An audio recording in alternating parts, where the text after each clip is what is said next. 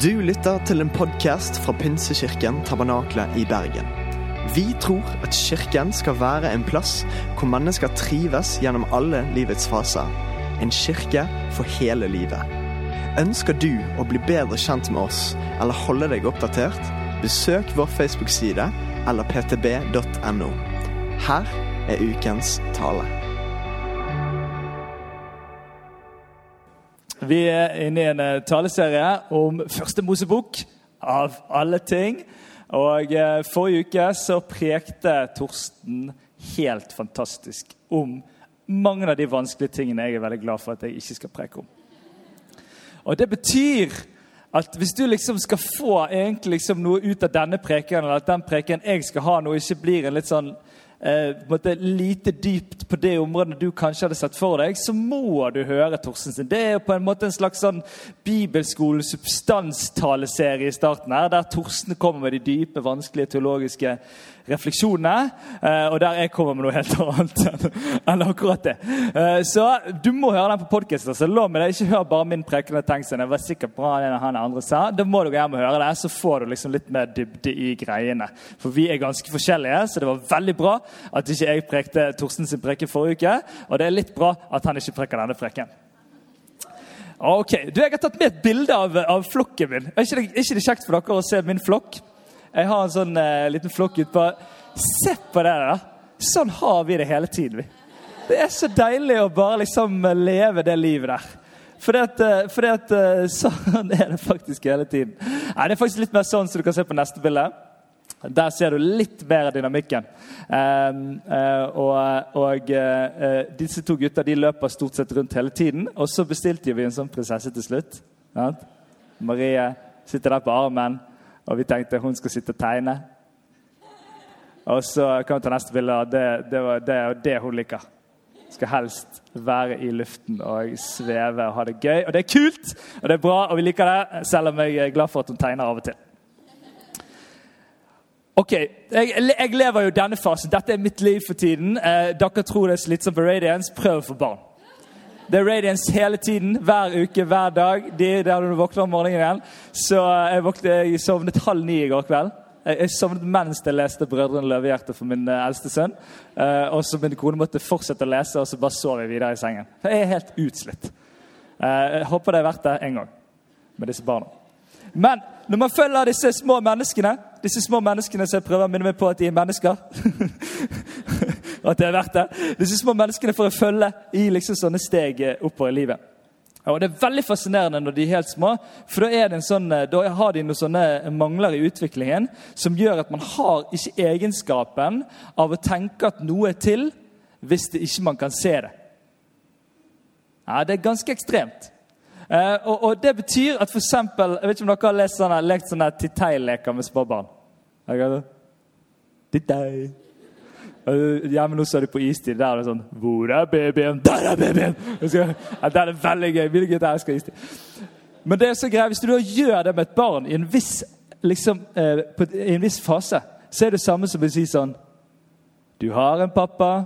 Du har ikke en pappa. Du har en pappa. Du har ikke en pappa. Stakkar denne ungen går gjennom en sånn eksistensiell krise. sant? Mister faren sin hvert øyeblikk. Men så modnes barnet heldigvis eh, på dette med perspektiv og klarer å forstå for at hvis mor går ut av rommet, så er fortsatt fins mor. Og så klarer man å tenke på det, og til og med etter hvert, i hvert fall for noen, så vokser evnen til å forstå noe. Man kan til og med se noe fra noen andre sin vinkel. Ja, Det er mulig folkens, å se noe fra noen andre sitt perspektiv. Forstå at hvis lillebror er lei seg etter jeg har slått ham med vedkubbe, så må ikke jeg gjøre det igjen. Sant? Så lærer vi seg sånne grunnleggende ting her i livet. Eh, og eh, Jeg hadde en sånn opplevelse. Eh, unge Birkeland, som jeg pleier han, han er ca. 16 år gammel hver gang jeg snakker om Unge Birkeland. Og da han var 16, cirka, jeg vet ikke om jeg var 16, det er veldig flaut egentlig hvis det var 16, eh, så skjønte jeg noe, og det var noe som er veldig grunnleggende, som jeg ikke har forstått, fordi at min livserfaring tyder på noe helt annet enn det de lærte meg på skolen. Fordi at jeg er vokst opp på jorden.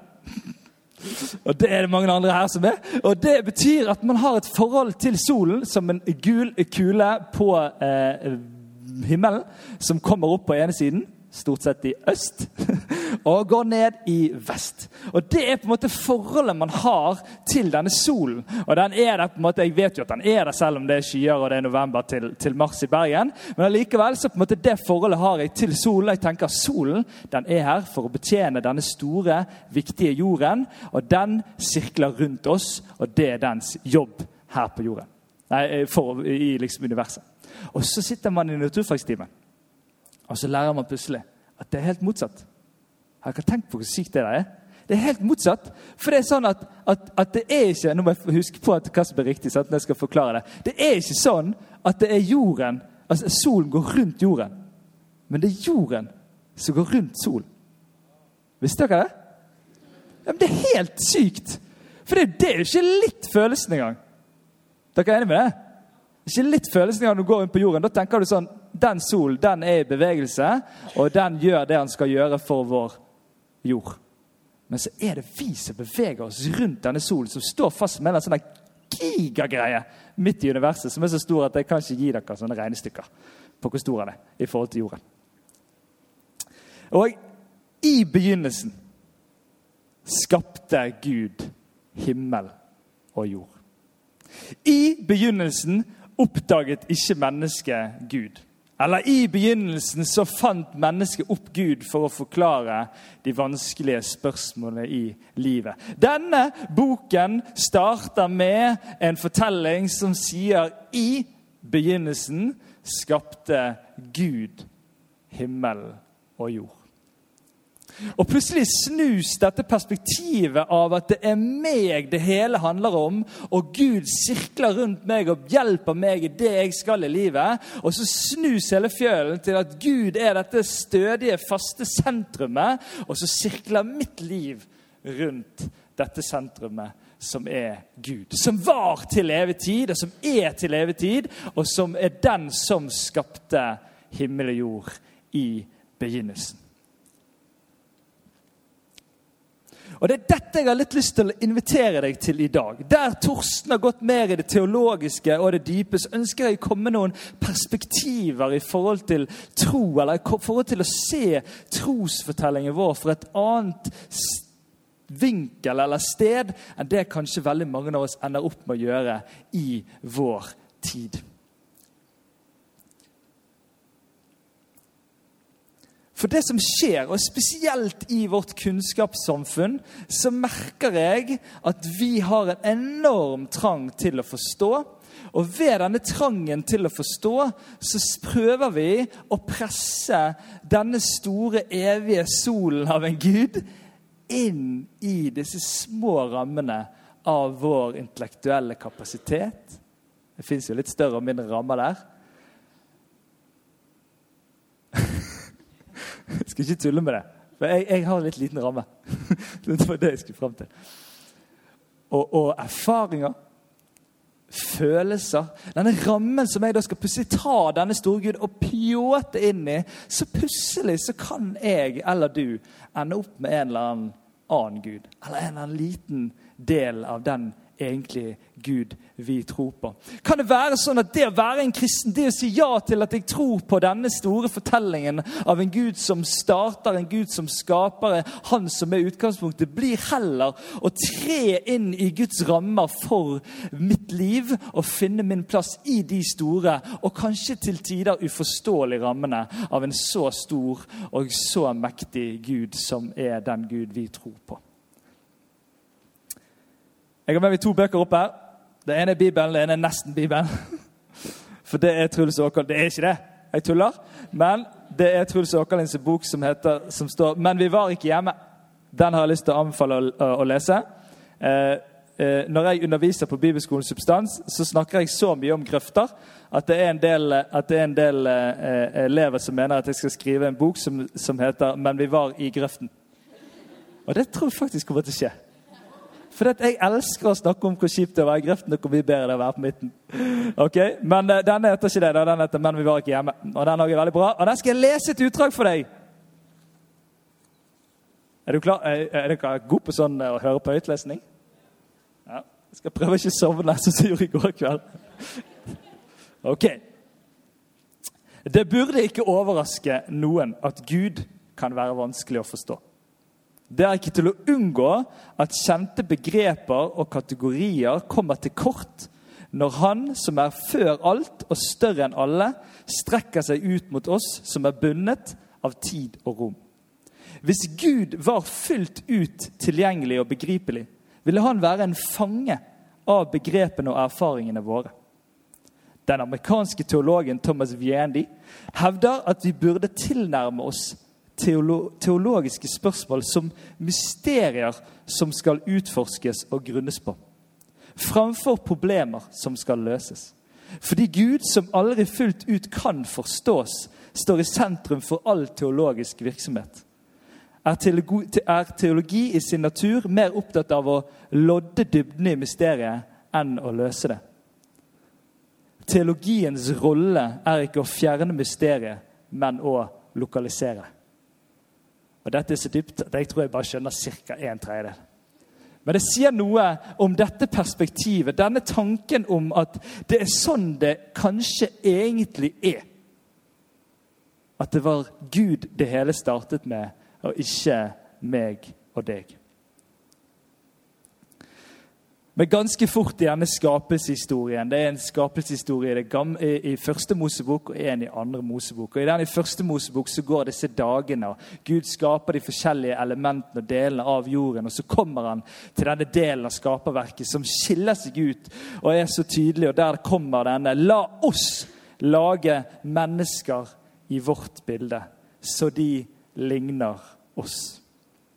Altså Etter hele dette skaperverksrekken av de forskjellige delene av, av, av, vår jord, så kommer mennesket. Og så blir mennesket distinkt, satt til å være noe annerledes, beskrevet som noe annet med måten at det beskrives som at det skal ligne oss. Altså Den treenige Gud, som omtaler seg sjøl som et oss, sier at mennesket skal være annerledes. Ikke som små guder som etterligner, men som ligner eller har noen hint eller har noen ting som er av det samme som Gud, og der Gud har noe helt eget for. I den kristne eh, skapelsesfortellingen så er mennesket skilt ut til å være noe helt eget og annerledes enn resten av skaperverket. Med denne egne plassen i skaperverket skal de råde over jorden og forvalte og være på en egen plass på denne jorden i forhold til resten. Og så står det videre Og Gud skapte mennesket i sitt bilde. I Guds bilde skapte han det. Som mann og kvinne skapte han dem.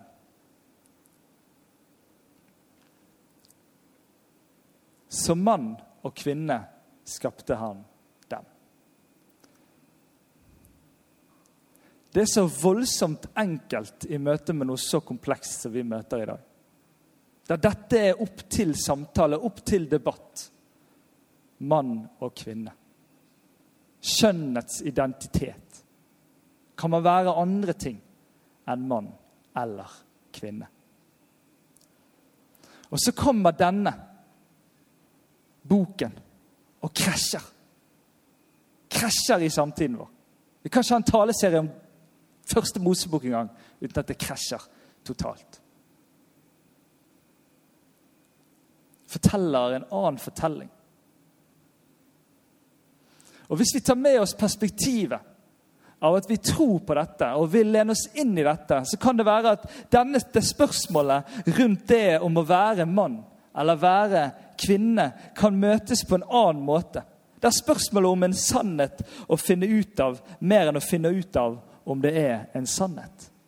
Her vi kan møte ting på andre måter, for det er helt klart at det blir vanskelig å være en som tror, hvis alle sannheter skal finnes ut av og forstås hele, hele tiden. Da blir det fort at vi drar det ned. Og Jeg sier ikke at vi ikke skal grave, jeg sier ikke at vi ikke skal finne gode spørsmål, men vi ender kanskje opp med at det blir litt vanskelig hvis ikke vi tør å tre inn i den store rammen der vi kanskje ikke helt fullt ut kan forstå, men vi velger allikevel å tro.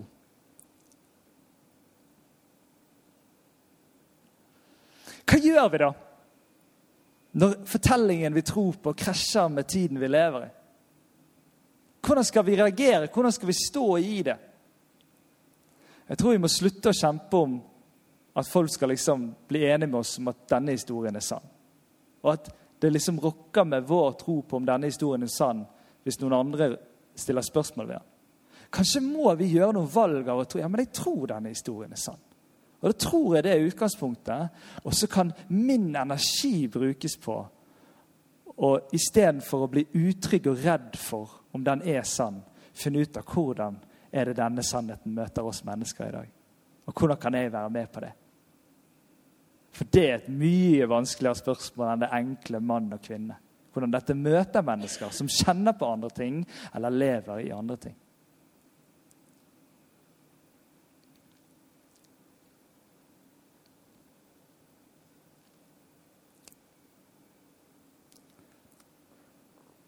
Og så har vi så lyst. Fordi at noen ganger så blir disse svarene Torsten var litt innpå det. sant? Det, det, kan bli litt gåtefullt, eller det kan bli litt lite konkret, eller det kan bli litt vanskelig å forstå dybden av det, eller litt lite beskrivelse. Og så har vi så lyst å leite andre steder. Og jeg er ikke redd for å leite andre steder. Men jeg tror at vi som kristne noen ganger er liksom kjappere med å leite andre steder enn å lete her. Og at vi liksom har nesten fått en sånn respons vi på at da må vi gå og sjekke ut liksom det der som er, er liksom felles eh, liksom godkjent i samfunnet. For det er så kjipt å være han som bruker liksom argumentene eller tryggheten sin på noe som ikke de andre helt er trygge på. Og kanskje her fins det en eller annen greie av å liksom finne sånn ro med og fred med at sånn er det kanskje å være en kristen. Det betyr ikke at ikke du ikke kan ha gode svar eller søke å finne noe greier, men det betyr at det er faktisk her svaret må bunne til slutt.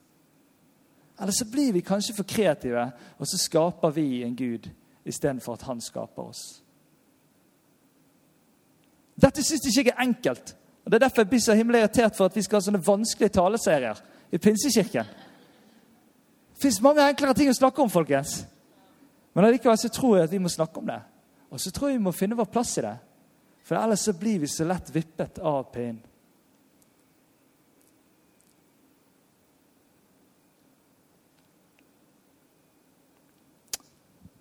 Så tok Herren Gud mennesket, satte det i Edens hage til å dyrke og passe det. Og Herren Gud ga mennesket dette budet. Du må gjerne spise av alle trærne i hagen. Men av treet til kunnskap om godt og ondt må du ikke spise. For den dagen du spiser av det, skal du dø. Hvorfor i alle dager måtte det være et sånt tre i hagen? Hvis dere lurer på hvordan det ser ut i Edens hage, kan dere komme ut på Flesland. Det var lille hage. Det, var, det er veldig koselig. Ja. Men vi har en sånn tanke om denne Edens hage. Sant? Det er så koselig og fint. og Der blomstrer det fram. Hvis man leser i fortellingen, som jeg håper du gjør selv, så ser man at det blomstrer fram, og mennesker har sin rolle i det. Og sånn. Og så kommer denne delen av at det er noe mennesket ikke kan gjøre. Men hvorfor i alle dager, Gud, da har det treet der i det hele tatt? Kunne ikke man bare liksom ikke hatt et sånt tre som står der, og som kan være med å gjøre den fortellingen så sårbar som man virker å være når jeg leser den? Hvorfor er treet om kunnskap om godt og ondt i Edens hage sammen med mennesket i denne fortellingen? Jo, for helt i starten av fortellingen så peker boka mot det aller mest grunnleggende i Guds relasjon til mennesket. Det er den frie viljen. Den frie viljen må tas på alvor for at kjærlighetsrelasjonen skal være ønsket fra begge parter. Gud velger, setter alt på spill fordi at han ønsker at det skaperverket han vil være sammen med, det får fri vilje. For hva var det spesielle med Edens hage? Hva var egentlig det spesielle med Edens hage? Var det de fine blomstene og trærne, eller var det det at der var Gud sammen med mennesket? Der var Gud i fellesskap med mennesket. Det var det spesielle med Edens hage.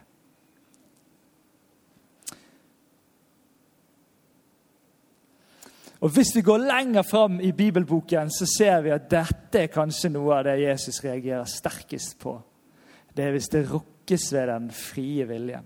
Hvis det er sånn at noen ikke har en egen vilje fordi at de er underkuet eller er satt i et system som gjør at de ikke kan bruke sin egen vilje, så er det akkurat som at det vokser fram noe i Jesus som gjør at når han snakker, så blir han hardere i ordene og bruker mer ord på spissen i møte med disse menneskene eller i møte med de situasjonene. Så ser vi en litt annen side, dette hellige sinnet eller vreden til Jesus. I møte med at det er den frie viljen det rokkes ved. Mennesket er skapt til fellesskap med Gud, og i det fellesskapet er den frie viljen helt essensiell.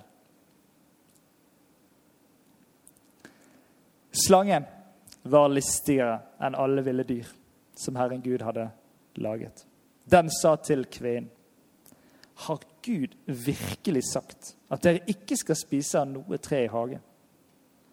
Kvinnen sa til slangen, vi kan spise av frukten på trærne i hagen. Men om frukten på treet som står midt i hagen, har Gud sagt dere må ikke spise av den og ikke røre ved den, for da skal dere dø. Da sa slangen til kvinnen, dere skal slett ikke dø. Men Gud vet at den dagen dere spiser den, vil øynene deres bli åpnet, og dere vil bli som Gud og kjenne godt og ondt. Nå fikk kvinnen se at treet var godt å spise av, og en lyst for øyet, et forlokkende tre, siden det kunne gi innsikt. Så tok hun av frukten og spiste. Hun ga også til mannen sin, som var sammen med henne, og han spiste. Da ble øynene deres åpnet, og de skjønte at de var nakne. De flettet sammen fikenblader og bandt dem om livet. Da hørte de lyden av Herren Gud som vandret omkring i hagen i den svale kveldsbrisen. Og mannen og kvinnen gjemte seg for Herren Gud blant trærne i hagen. Men Herren Gud ropte på mannen og sa, 'Hvor er du?' Han svarte, 'Jeg hørte lyden av deg i hagen og ble redd fordi jeg er naken, og gjemte meg.' Da sa han, 'Hvem har fortalt deg at du er naken? Har du spist av det treet jeg forbød deg å spise av?' Mannen svarte, Kvinnen som du ga meg å være sammen med, hun ga meg av treet, og jeg spiste. Herren Gud spurte kvinnen, hva er det du har gjort? Kvinnen svarte, slangen narret meg, og jeg spiste. Som liten gutt så hørte jeg på denne fortellingen, og, og så sa jeg Hvor dum er de der egentlig? Herlighet. Adam og Eva. Hva de holder på med? Hvorfor lar de seg lure? Skjønner de ingenting? Slange som snakker, liksom. Hva er greia? Og noe av det vonde Du må ikke bare være liten og oppe i luften, sånn som min kjære lille prinsesse, og tenke at livet går greit helt om man ikke vil ha på seg en kjole så er det noe med det at man skjønner plutselig Denne fortellingen er jo om meg òg. Jeg er jo like dum. Og på samme måte som mannen prøver å skylde på kvinnen, og kvinnen skylder på slangen, så prøver jeg å skylde på andre ting. Noen har til og med laget litt sånn teologi som skal liksom bare knytte til at Vi er egentlig bare noen uskyldige ofre for det som skjedde den gangen. Og Det kan godt være det fins noe sannhet i disse tingene, men allikevel så er det min fortelling i dag. At jeg velger allikevel, selv om jeg vet at jeg ikke burde. Og så lever jeg på litt på samme måte i disse tingene. Hvem var denne slangen? Den onde, djevelen, Satan. Hvem er nå dette? Den falne engel. Det fins mange fortellinger mange greier som man har prøvd å finne ut av. Hva er det med den onde? Fins det egentlig, eller er det bare en del av urhistorien, og så ordnes det opp i det? Eller hva er fortellingen til denne ondskapen, eller personifiserte ondskapen i, i Bibelen? Når Jesus omtaler djevelen, så omtaler han han først og fremst som en løgner som er en som forteller noe som ikke er sant. En som lager en virkelighet gjennom løgner som mennesker til slutt tror på og handler etter. Det er kanskje en av de største funksjonene til den onde. Og Når vi syns det er litt vanskelig, så prøver vi å plukke det ut og plukke det vekk, og så blir det bare vanskeligere, kanskje. For hva om det ikke fins en ond? Hva om det ikke fins en ondskap? Det har jo ikke gitt svaret på hvorfor det er så himla mye ondskap i verden. Det blir jo fortsatt et problem. Og da ender vi kanskje opp med at istedenfor at det fins en ondskap som har villedet og med løgner har skapt, gjort det sånn at mennesker gjør ting de ikke burde gjøre, gjøre så ender vi opp med onde mennesker. Og så defineres mennesker som ondskap. Og så blir det kanskje et større problem å finne ut av. Vanskelige mennesker har det vanskelig. De har hatt det vanskelig og har en vanskelig fortelling. Og Derfor så er de vanskelige. Det trenger ikke være noe for å unnskylde ondskap, men hvis man ser i fortellingen av mennesker som utøver mye ondskap, så vil det være en fortelling av ondskap. Og så vil det være en fortelling av en virkelighet som har blitt en sannhet for dem fordi at man har trodd på det så lenge. Vi må slutte å steip, liksom stemple mennesker som onde. I vår kristne fortelling så kan vi tro på at det fins en ondskap som lurer mennesker. Og Det kan hjelpe oss i møte med det, så ikke vi hiver oss på hylekoret, som så fort oppstår når noen mennesker gjør ting de absolutt ikke burde gjøre. Og som gjør at veien til dialog, veien til å finne sammen igjen eller finne forsoning, brytes eller gjøres umulig pga. disse harde, harde ordene eller denne måten å sette noen i båsen av ondskap. Har Gud virkelig sagt? Det må jo være en av de mest fristende setningene som hele tiden oppstår i oss i møte med sannhetens fortelling. For det er jo litt vondt noen ganger. Og det er jo litt vanskelig noen ganger. Og så er det så lett for å begynne å høre på stemmen av 'Har Gud virkelig sagt'?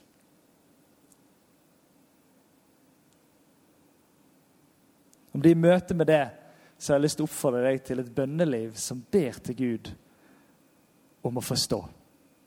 Eller å få vite. Hva er egentlig sant? La bønnelivet ditt gå den veien noen ganger. Det går an å be på den måten til Gud. Har du hørt Gud, hva noen mener? Hva tenker du om det? Er det dette som er sant? Kan du vise meg? Kan du hjelpe meg? Jeg vet at Det høres litt banalt ut, men la oss være sånne som er kanskje litt sånn banale i vår tro noen ganger. Det trenger ikke utelukke studier og grundige undersøkelser. Men det kan være en del av det å være en som tror. Så skjer det et brudd.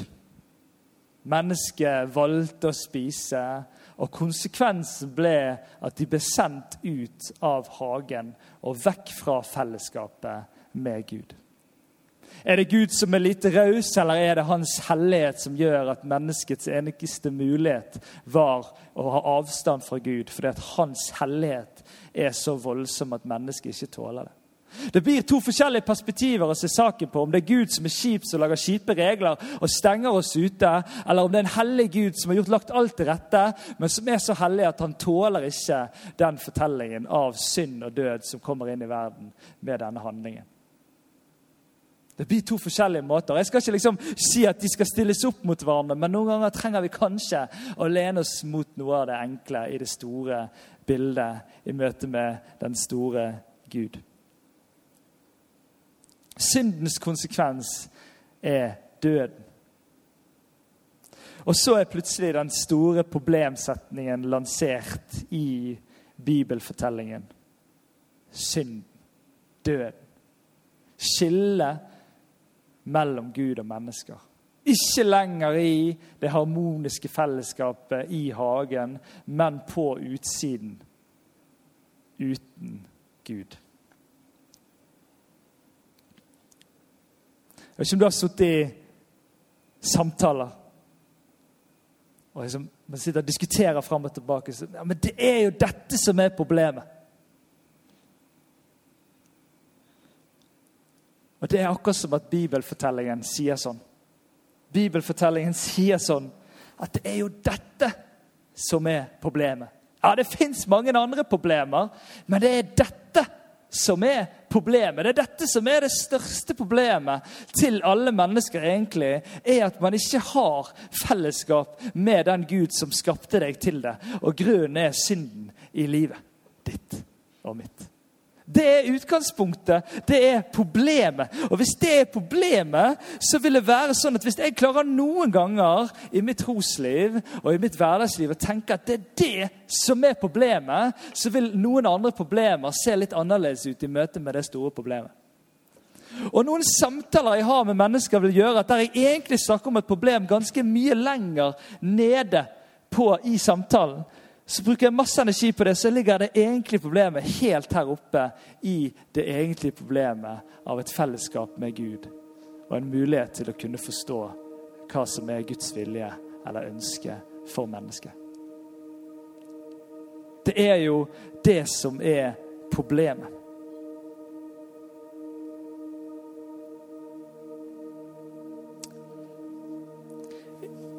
I denne boken så, så beskrives det et, et, et, spennende begrep som går på det å leve på jorden med hjemlengsel.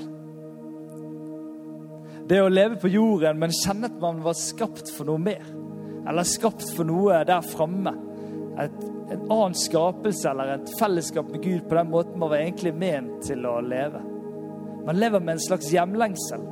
Og For meg så satte ord på, på noe av det som jeg av og til kjenner på. Der jeg må leve i denne spenningen. I denne spenningen av å være liksom det brutte mennesket som samtidig får lov til å møte Gud og være sammen med Gud.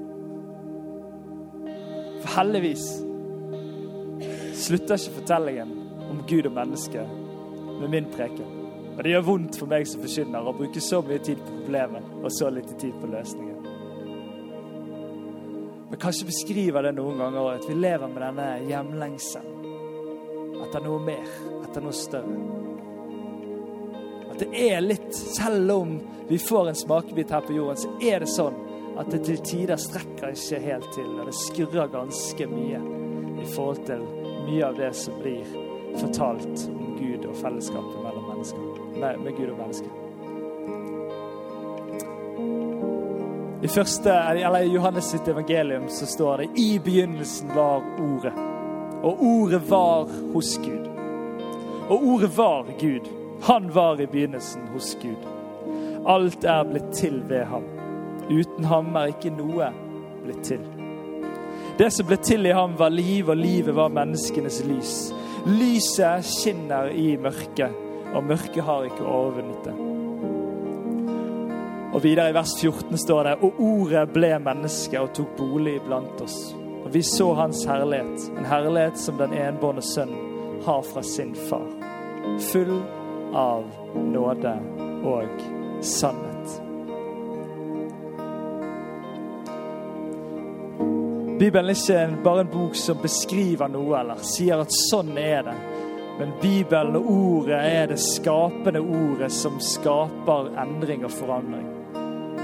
Og Derfor er det sånn at Når man leser bibelboken, så ender man ikke bare opp med fortellingen om hvorfor ting var sånn det var, men òg hensikt. Men òg løsninger for at ting kan være annerledes.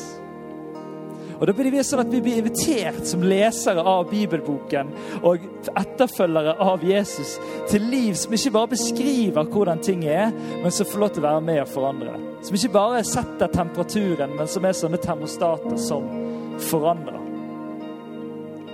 Men da må vi kanskje noen ganger slippe Gud løs fra vår lille ramme. Finne vår plass i den som skapt av ham. Som skapt til fellesskap med han. Som skapt til mann og kvinne. Som skapt til et liv sammen med han. Og så lever vi i fortellingen av at her fins det en løsning på verdens største problem. Og det er sannheten Jesus Kristus.